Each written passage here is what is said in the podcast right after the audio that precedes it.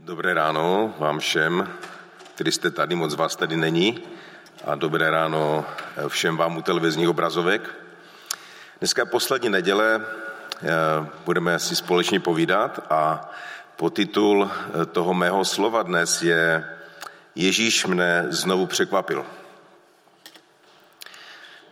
Takže asi čekáte, že když je to první neděle po Vánocích, že se vám pochlubím, jaké jsem dostal vánoční dárky. A to je to, že mě Ježíš překvapil, ale ne, není to.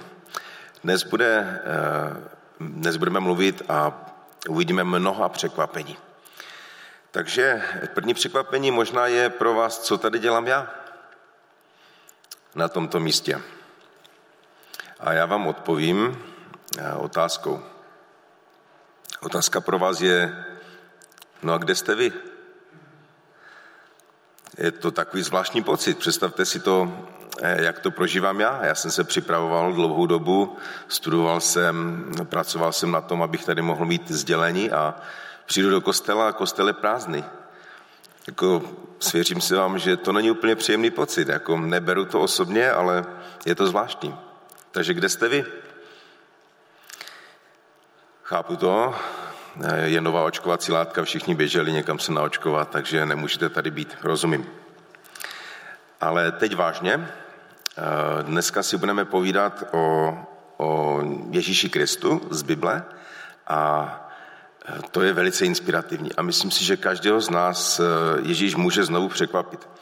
Já už tu Bibli čtu nějakou dobu a přesto jsem byl zasažen a dokonce třikrát. Ježíš, eh, teď jsme slavili jeho narozeniny, padlo to tady. Taky hm, jste si všimli, když se říká letopočet před naším letopočtem, nebo léta páně, eh, v angličtině to mají BC, jako before Christ, že dokonce i letopočet se od něj počítá. A tak je napsáno, že eh, samotná Bible, ta velká kniha, je napsaná proto, abychom v něho věřili. Není to proto, abychom měli historický přehled, ale ten důvod je v tom, že abychom věřili v něho, v to, co on udělal. A dneska budeme mít dobrou příležitost eh, si se posunout tímto směrem. Já vás chci pozvat, abyste se příjemně posadili eh, do svých, eh, ve svých obyvacích, do svých křesel a sedaček a možná někteří z vás, kteří máte i sebou Bibli, si otevřeli v Janově evangeliu na, ve čtvrté kapitole – a ti z vás, kteří nemají, tak eh, to nevadí, protože budeme to mít tady eh, na televizní obrazovce a budeme to mít i v audiozáznamu, který vám za chvilku pustím. Je to necelá čtvrtá kapitola, takže si pěkně pohodlně posaďte a poslouchejte. Eh, ještě o tom překvapení. Víte, že i Ježíš byl překvapen. Zkuste zaspomenout, co ho tak překvapilo, když eh, chodil mezi lidmi a, a žil s nimi. Když tak o tom přemýšlím, tak si vybavuju to, že ho překvapilo, že přestože viděli to všechno, co dělal a jaký je, tak v něho strašně málo věřili.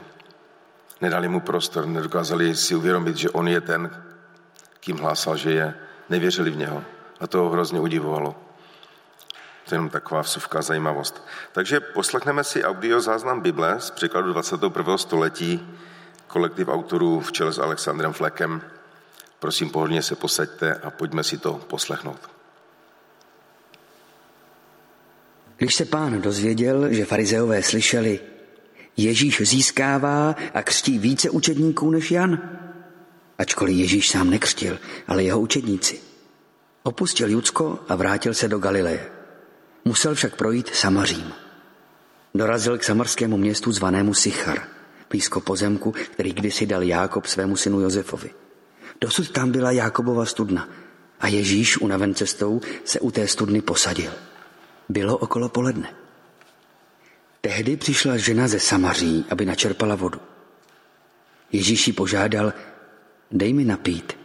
Jeho učedníci totiž odešli do města nakoupit jídlo. Samarská žena se ho zeptala, jak to, že ty jakožto žid žádáš mě, Samaritánku, o nápoj? Židé se totiž se Samaritány nestýkají. Ježíš jí odpověděl, kdyby se znala ten boží dar a kdo je ten, který ti říká, dej mi napít, žádala bys ty jeho a dal by ti živou vodu. Pane, nemáš ani čím bys načerpal? Namítla žena. A studna je hluboká. Odkud vezmeš tu živou vodu? Jsi snad větší než náš otec Jákob, který nám tu studnu dal? On sám z ní pil, i jeho synové a jeho dobytek. Ježíš odpověděl, každý, kdo pije tuto vodu, bude znovu žíznit. Kdo se však napije vody, kterou mu dám já, nebude žíznit už nikdy. Voda, kterou mu dám, se v něm stane pramenem vody tryskající k věčnému životu. Pane, dej mi tu vodu, řekla žena. Ať už nežízním a nemusím sem chodit čerpat. Jdi, zavolej svého muže a přijď sem, řekl jí Ježíš. Nemám muže, odpověděla žena. Správně si řekla, nemám muže, řekl Ježíš. Měla si totiž pět mužů. A ten, kterého máš teď, není tvůj muž. To si řekla pravdu. Pane, vidím, že jsi prorok, odpověděla žena. Naši otcové uctívali Boha na této hoře, ale vy říkáte, že místo, kde se má uctívat, je v Jeruzalémě. Ježíš jí řekl, ženo, věř mi, že přichází chvíle, kdy nebudete uctívat Otce ani na této hoře, ani v Jeruzalémě. Vy ani nevíte, koho uctíváte. My víme, koho uctíváme, protože spása vyjde z Židů. Přichází chvíle, a už je tu, kdy praví ctitelé budou uctívat Otce v duchu a v pravdě. Takové totiž Otec hledá, aby ho uctívali. Bůh je duch a ti, kdo ho uctívají, ho musí uctívat v duchu a v pravdě. Žena odpověděla, Vím, že přijde Mesiáš, který je nazýván Kristus. Až přijde, vysvětlí nám všechno. Ježíš jí řekl, to jsem já, ten, kdo s tebou mluví. V tom přišli jeho učedníci. Překvapilo je, že mluví se ženou, ale žádný neřekl, co jí chceš, anebo proč s ní mluvíš. Žena tam nechala svůj džbán, odešla do města a řekla lidem. Pojďte se podívat na člověka, který mi řekl všechno, co jsem udělala. Není to snad Mesiáš? Vyšli tedy z města a šli k němu.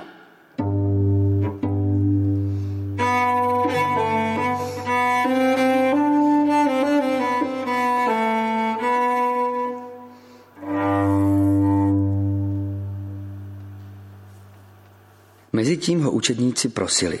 Rabi, naje se. On jim však řekl, mne sytí pokrm, který vy neznáte. Učedníci se jeden druhého ptali, přinesl mu snad někdo jídlo? Ježíš jim řekl, mým pokrmem je konat vůli toho, který mě poslal a dokončit jeho dílo. Neříkáte snad, že do sklizně zbývají ještě čtyři měsíce? Hle, říkám vám, pozvedněte oči a pohleďte na lány, že se už bělají ke žni. Ten, kdo žne, získává odplatu a schromažďuje úrodu k věčnému životu, aby se společně radoval rozsévač i žnec. V tom je pravdivé torčení, že jeden rozsívá a jiný žne. Já jsem vás poslal sklízet, na čem jste sami nepracovali. Pracovali jiní. A vy jste vstoupili do jejich práce. Díky slovu té ženy, která svědčila, řekl mi všechno, co jsem udělala. V něj mnozí samaritáni z toho města uvěřili. Když k němu ti samaritáni přišli, prosili ho, aby u nich zůstal. Zůstal tam tedy dva dny a díky jeho slovu jich uvěřilo ještě mnohem více. Té ženě pak řekli, už nevěříme jen díky tvé řeči. Sami jsme ho slyšeli a víme, že to je opravdu spasitel světa, Mesiáš.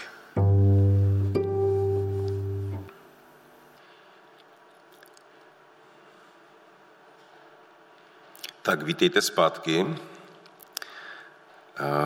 Ten příběh byl dlouhý a já vás si pozbudit, až budete mít eh, příležitost, tak si ho znovu přečtěte, ale teď vás poprosím o vaši pozornost. Já bych vám rád sdělil ty tři věci, které mě tak oslovily a zaujaly v tom příběhu. Vždycky, když eh, mám možnost někde co říct, tak jsem nervózní z toho, že nevím, co mám říct. Ale jakmile dostanu to slovo, tak už jsem klidný a mám radost z toho, že můžu komunikovat to, co naplnilo mé srdce. A já bych chtěl ty tři věci s váma jedno po druhém probrat. Kde se nachází Ježíš v našem příběhu? On je v oblasti duchovního centra. Je v Judsku, to znamená tam, kde je Jeruzalém, tam, kde je centrum židovského náboženství a má, je ve fázi své veřejné služby. To znamená, že obklopen lidmi, eh, káže v chrámu, vyučuje a je v centru duchovního dění. A najednou zjistí jednu zvláštní věc. Zjistí, že jeho, řekněme, duchovní konkurence, nebo lidé, kteří dělají to též, trochu jinak, farizeové, se dozvěděli o tom, že on sám mm, křtí více lidí než ještě než Jan. Což jinými slovy znamená, že má velký duchovní úspěch. Lidé se nechávají pokřtít a obracejí se, aby následovali jeho slova, jeho činy a vydávají se směrem za ním. Nikoli směrem za farizej. Čili je tady jakási duchovní konkurence. Jak na to reaguje? Místo toho, aby možná se z toho radoval nebo ještě víc uh, zatnul zuby a ještě víc pracoval a dokázal všem, že je lepší než ti kolem něho, tak on se stáhne a od, odchází do periferie, odchází do Galileje, což je severní část Izraele a je to takový venkov, řekněme, duchovní venkov. A odchází z toho centra. Víme, že po cestě z toho centra, z Judska, e, do, na sever do Galileje musí projít územím, které se, kterému se říká Samaří. A Samaří je plné lidí, které bychom řekli jsou mu, e, nebo jsou židům znepřátelení. Možná bychom museli trošku zajít do historie a, a říct si proč. I tam, kdysi byli židé, ale mm, průběhu historie, když byli odvedeni židé do babylonského zajatí, tak eh, eh, tam, když se potom vraceli zpět, tak společně s těmi židy přišlo i mnoho babylonianů a jejich původně čisté židovské náboženství se namíchalo o prvky pohanské, takže najednou to bylo trochu jinak. A už uh, oni sice uznávali Tóru, takovou tu těch základních pět Možičových knih, ale Eh, zvolili si třeba samostatné místo uctívání. Už to nebyl Jeruzalém, ale už to byla hora na jejich území, kterou, kde oni měli centrum svého náboženství. A jejich vzájemné vztahy se hodně, hodně ochladly. A to dokonce tak, že eh, si nadávali, jako když někdo řekl někomu, hele, ty jsi Samaritán nebo Samařán, tak to bylo možná, nevím, jak bych to, eh, k čemu bych to přirovnal, ale v naší společnosti snad nejblíže je to možná vztahu společnosti k Romům. Prostě jako by vás nazvali Romem. To není hanlivé, ale pro nás, ale je to prostě, je to něco, co je zvláštní. Eh, asi bychom se urazili, protože třeba se takto necítíme. A takhle oni žili navzájem, eh, židé a samaritáni. Čili Ježíš jde, opouští centrum, jde na venkov a po cestě se musí zastavit na, tam, na místě, které je jim znepřátelené. Vzpomínám si, jednou jsem eh, byl na Slovensku a byl jsem ve vesnici, která se jmenuje Batizovce. A zjistil jsem, že na okraji vesnice je, je uh, romská osada. A já jsem toužil prostě to místo navštívit a chtěl jsem se podívat, jak tam žijou. Chtěl jsem mluvit s těmi lidmi. A ti místní lidé říkali, jako tam nejdeš. A byl jsem zklamaný, jako, jako jak nejdeš. Jako říkali, no tam nemůže žít. Jako. A oni sami, ti, občan, ti obyvatele té vesnice tam taky nikdy třeba nebyli. Říkali, jak je to možné, jako, že ve 20. století něco takového se může stát. Ale pochopil jsem, že z bezpečnostních důvodů nemohu navštívit to místo.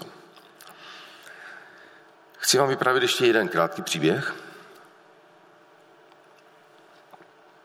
Ten se mi stal minulý týden, když jsem měl v Ostravě u Sikorova mostu, viděl jsem něco, co mě zasáhlo v srdci. Ehm, přijel jsem ke křižovatce a tam byl přechod pro chodce a ehm, v tom místě ehm, jsem stál na prvém místě, takže jsem dobře viděl na ten přechod. A viděl jsem malého chlapce, měl tak pět let, který vedl svého tatínka. Ten chlapec byl romský chlapec a jeho otec byl těžce nemocný. Mohlo mu být tak pět let tomu chlapci. Ehm, vážil tak 25 kg, byl hodně chudý a jeho tatínek byl hodně nemocný, šel o holi a, a byl neurologicky postižený, tak se tak spíš klátil a ten chlapec ho vedl, aby došel na druhou stranu cesty. A já jsem si říkal, chlapče, ty máš těžký život. Jako v Ostravě s otcem, kterému už dnes v pěti letech musíš sloužit. Jak asi, jak asi se budeš cítit ve škole? Jestli ti prostě ty ostatní děti nebudou dávat čočku, jestli nebudeš vystaven nějaké šikaně a bylo mi ho nesmírně líto a pocítil jsem lásku k tomu chlapci. Um, to je jenom taková moje osobní zkušenost ve vztahu k tomu, co, co ta komunita mohla prožít, že prostě někdy to je oddělené navzájem. Jaké jsou naše postoje? My bychom možná nikdy neodešli z centra, tam, kde je všechno, všechny naše eh, potřeby jsou snadno naplnitelné. Eh, možná i vyvoláváme určitou eh, veřejnou publicitu. Jsme rádi, když se o nás mluví, dělá nám to dobře. Možná chceme mít reklamu našich vlastních služeb, naší vlastní osobnosti. A lidé, jako jsou youtubeři, influeři, všechny sociální média a lajky, to jsou věci, které nás těší. My chceme být na výsluní. Ale Ježíš tohle to všechno opustil a šel na venkov, aby pokračoval ve své službě. Jak je to možné? že se takhle rozhodl. A to mě velice překvapuje. To je první překvapení, kdy mě Ježíš překvapil. A uvědomil jsem si, že eh, to není samo sebou. Ježíš měl takový zvláštní zvyk. On ráno vstal, často ještě za tmy, a vyšel z domu a odešel na pusté místo, teď čtu Marek 1.35, aby se tam modlil. A v té modlitbě hovořil se svým otcem, který mu, eh, který mu dával vedení. Takže se mohlo stát a stávalo se, že po této modlitbě najednou jeho uvažování a jeho kroky byly jiné než před ní. A jednou se to stalo takto, když celou, celý den předtím uzdravoval spoustu lidí a všichni ho chtěli vidět a všichni chtěli pokračovat dál v tom uzdravování, tak eh, on šel na modlitbu ráno a když se ráno vstal, z té modlitby, tak říká, ale pojďme dál, pojďme do okolní městeček, abych i tam kázal, neboť proto jsem vyšel. V Ježíšově životě byla modlitba jako takový moment, kdy se on mohl uh, soustředit. Byl spojil se se svým otcem a hledal jeho vedení. Snadno by se mu mohlo stát, že by věci populární a a takové nabílední, takové jasné, ho mohli svést cesty, kterou chtěl po něm jeho nebeský otec. Proto potřeba zůstat na něho napojený a to byla právě ta modlitba, aby šel cestou, kterou mu otec určil a ne cestou, kterou by ho vedlo třeba jeho vlastní srdce. Takže tohle to je první překvapení. Ježíš nedělá populární věci, ale dělá věci tak, jak ho vede nebeský otec. Musíme si dát pozor na vlastní srdce. Tak, další překvapení, které v tom příběhu vidím, je, že, eh, že Ježíš se eh, nehledal člověka, který, kterého, který by mu mohl vrátit jeho služby. Představte si, že jdete do oblasti, která je vám znepřátelená. Vstupujete do Samaří. Co uděláte? No musíte být velice opatrní, že? Z bezpečnostních důvodů asi byste nejradši našli nějakého člověka, kterého znáte, a který prostě by vás, a víte, že vám je nakloněn. A nejlépe takového, který má nějaké si postavení v té společnosti. Aby ten člověk vás tak nějak uvedl do toho znepřáteleného prostoru a řekl, no tohle to je Ježíš, tady ten je v pořádku, nic mu nedělejte, jenom ho poslouchejte. Takhle bych možná postupoval já. Ale Ježíš to dělal úplně jinak. Eh, řekli jsme si, že Samařan byl někdo, kdo byl, eh, kdo byl Židům vzdálený. Navíc se, oslovil, se rozhodl, že osloví ženu. Žena v té době měla podstatně nižší eh, postavení, než má žena dnes. Dokonce to nebyla jen tak obyčejná žena, byla to žena, které se v životě moc nedařilo. Četli jsme v tom příběhu, že, že prošla mnoha vztahy, to v té době bylo o to míň jakoby atraktivní, než, než je to dnes. Prostě to bylo hodně špatné sociálně. Šest mužů a ona se hodně styděla za svůj vlastní život. Jak to můžu vědět? No, zvažte ten fakt, kdo chodí eh, pro vodu v poledne v oblasti eh, Izraele a poušť, eh, prostě v té, v té lokalitě. Kdo z vás byl třeba v Egyptě nebo v Izraeli, tak víte, že, že se takové věci patrně budou dělat, nebo na výlet jdete raději ráno nebo pozdě večer, kdy je menší slunce, protože jinak se upečete zaživa. Teploty jsou vysoké, ale ona šla pro vodu se čbánem v poledne. Důvod je zřejmý. Nechtěla nikoho potkat. Ona se vyhýbala společnosti, nechtěla, protože si na ní ukazovali možná prstem. A to je člověk, kterého eh, si vybral Ježíš, aby se mu pověnoval. Člověk, který by mu, kterému to nemohl nikdy vrátit. A teď eh, si trošku chci sáhnout do vlastního svědomí a uvědomit si, eh, jestli já náhodou nejsem jiný. Jestli náhodou jsem takový, že já se přátelím jenom s těmi, kteří, se kterými to je výhodné. Co když se obklopují lidmi, kteří mi to mohou vrátit? Co když prokazují láskavost jenom těm, kteří mi pravděpodobně tu láskavost vrátí zpět? Je to normální? Ano, je. Když se k tomu Ježíš vyjadřoval, tak říkal, činíte-li dobro těm, kteří činí dobře vám, co pak za to můžete očekávat boží uznání? Vždyť to tež činí i hříšníci. Ano, je nám to vlastní. Ale my, kteří následujeme Pána Ježíše, bychom možná mohli jednat i jinak. Takže koho si vybereme jako prvního člověka, kterého oslovíme v takové společnosti? Co takhle si vybrat někoho, kdo je úplně ztracený? Komu možná už všichni v té společnosti chtěli pomoct, a všichni nad ním zlomili hůl a řekli, je, zase ta ženská, pojďte se na ní. To byli duchovní lidé, oni, oni sice z žíry nevycházeli, ale měli Toru, oni prostě žili pravděpodobně duchovním životem a, a tady ta, ta žena prostě jednala hrozně v jejich očích. Žila na okraji společnosti. Možná ji chtěli vytáhnout, ale nešlo to. Furt se jí nedařilo.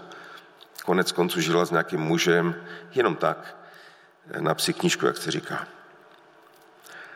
Ježíš přichází k tomu eh, rozhovoru s ní nějakým zvláštním způsobem připravený. Krom toho, že je připravený je oslovit, což bylo hodně zvláštní a překvapivé, tak přichází ještě vybavený tím, že ví, co jí má říct.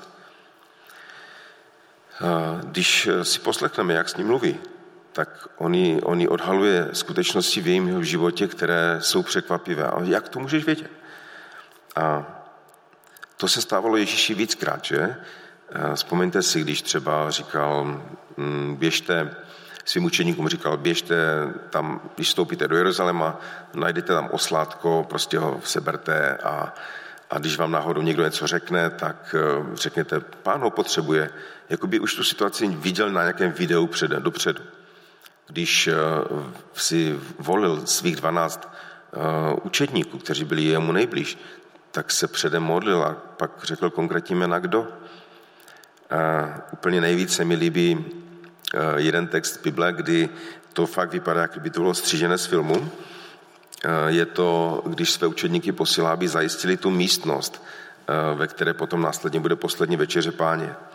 Tak jim říká, jděte do města a potká vás člověk, který nese čbán vody. Jděte za ním. A kam vejde, řekněte hospodáři, mistr vzkazuje, kde je pro mne světnice, v níž bych jedl se svými učedníky velikonočního beránka. A on vám ukáže velkou horní místnost zařízenou a připravenou. Tam pro nás připravte poslední večeři. Učedníci šli a když eh, přišli do města, nalezli všechno tak, jak jim řekl a připravili velikonočního beránka. Jako to je úplně, on dopředu jim říká, jak se to stane, co bude, i s takovým detaily, jako že někdo ponese čbán a tak. Je to, je to prorocký dar. Eh, a proroctví je něco, co je vzácné, ale je dosažitelné i v církvi dnes. Máme se za ten dar modlit. A je to něco, co, co oslovuje nás samotné i lidi. Odkud to vzal Ježíš? Můžeme si říct, ano, on byl boží syn.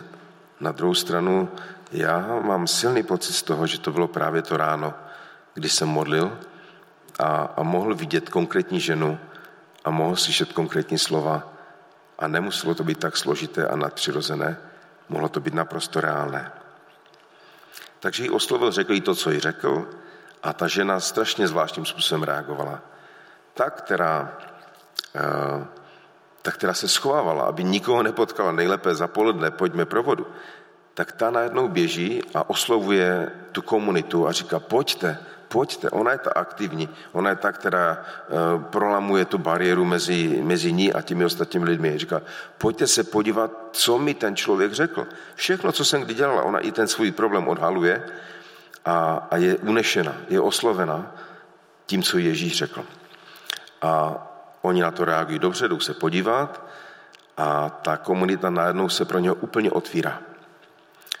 Eh, najednou to nebyl cizí žid, který je, pojďme mu, pojďme mu ukázat, eh, to naše nepřátelství, ale pozvali ho k sobě a zůstal tam dva dny, protože ho prosili a následně mnozí z něho uvěřili.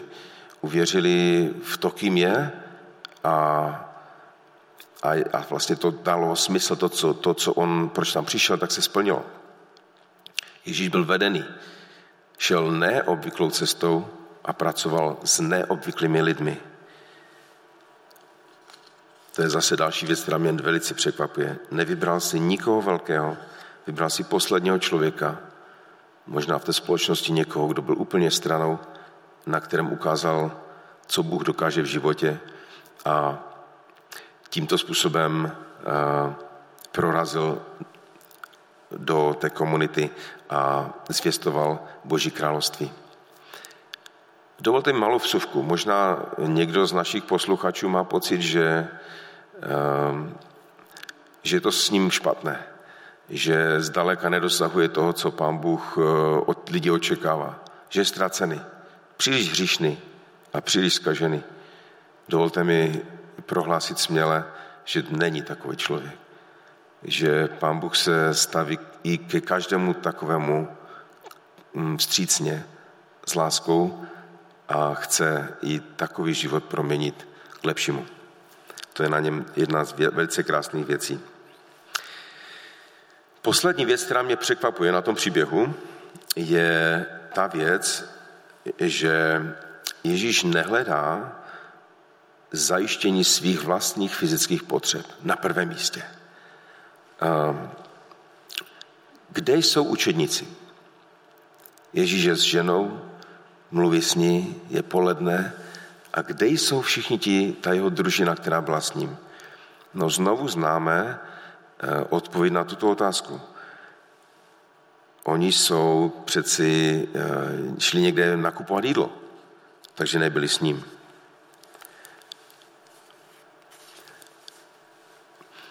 Ježíš řekl zvláštní věc. Eh, řekl, hledejte především jeho království a spravedlnost a ostatní, všechno ostatní vám bude přidáno.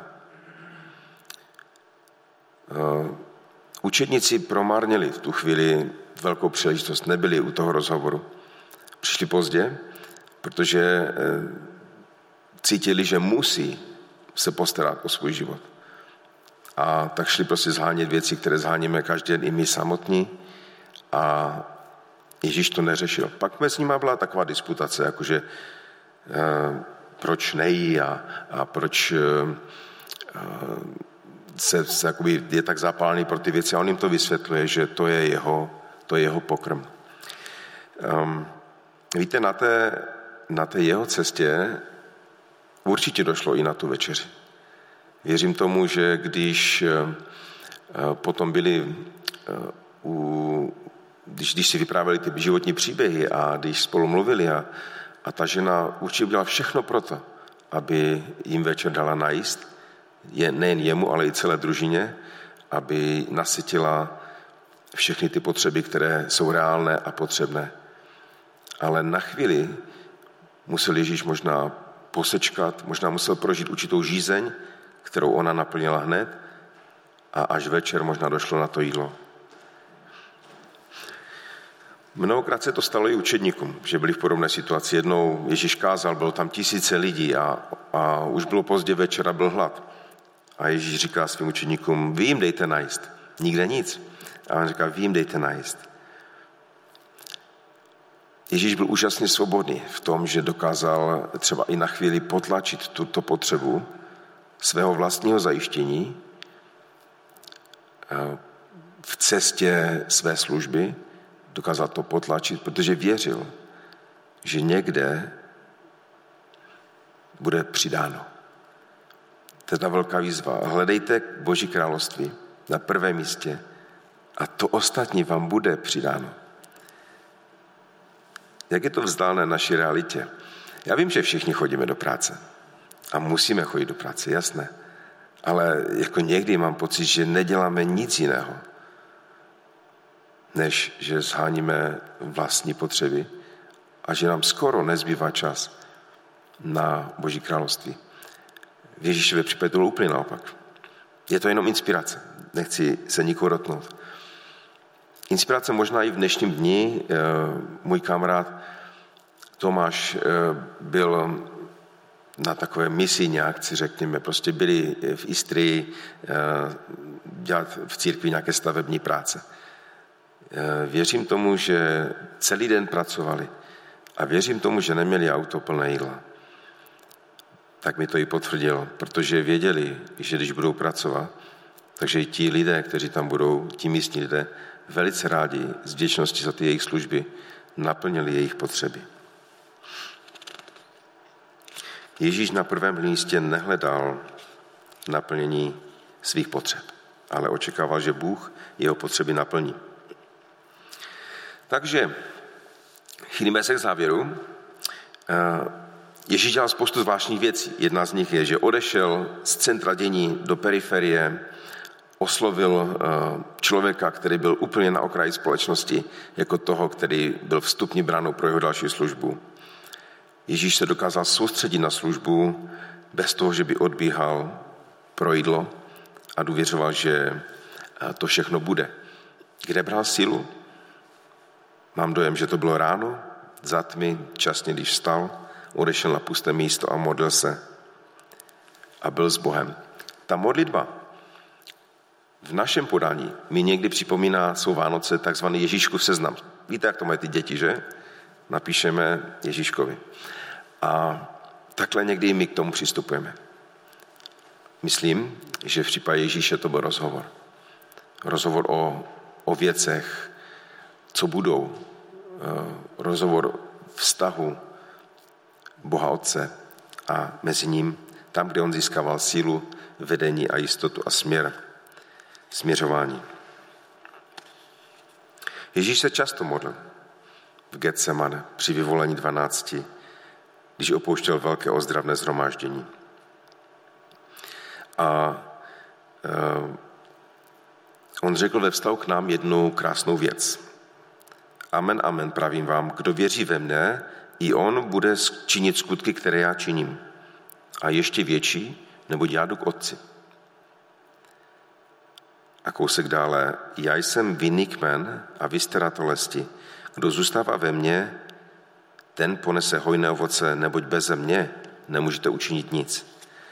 Ježíš nám dává zaslíbení, že když eh, budeme v něho věřit, takže náš život může být eh, plný takových skutků nebo podobný těm jeho skutkům, protože on jde k otci a my můžeme s ním být ve spojení a pokračovat život, který on žil. Je to velice inspirativní.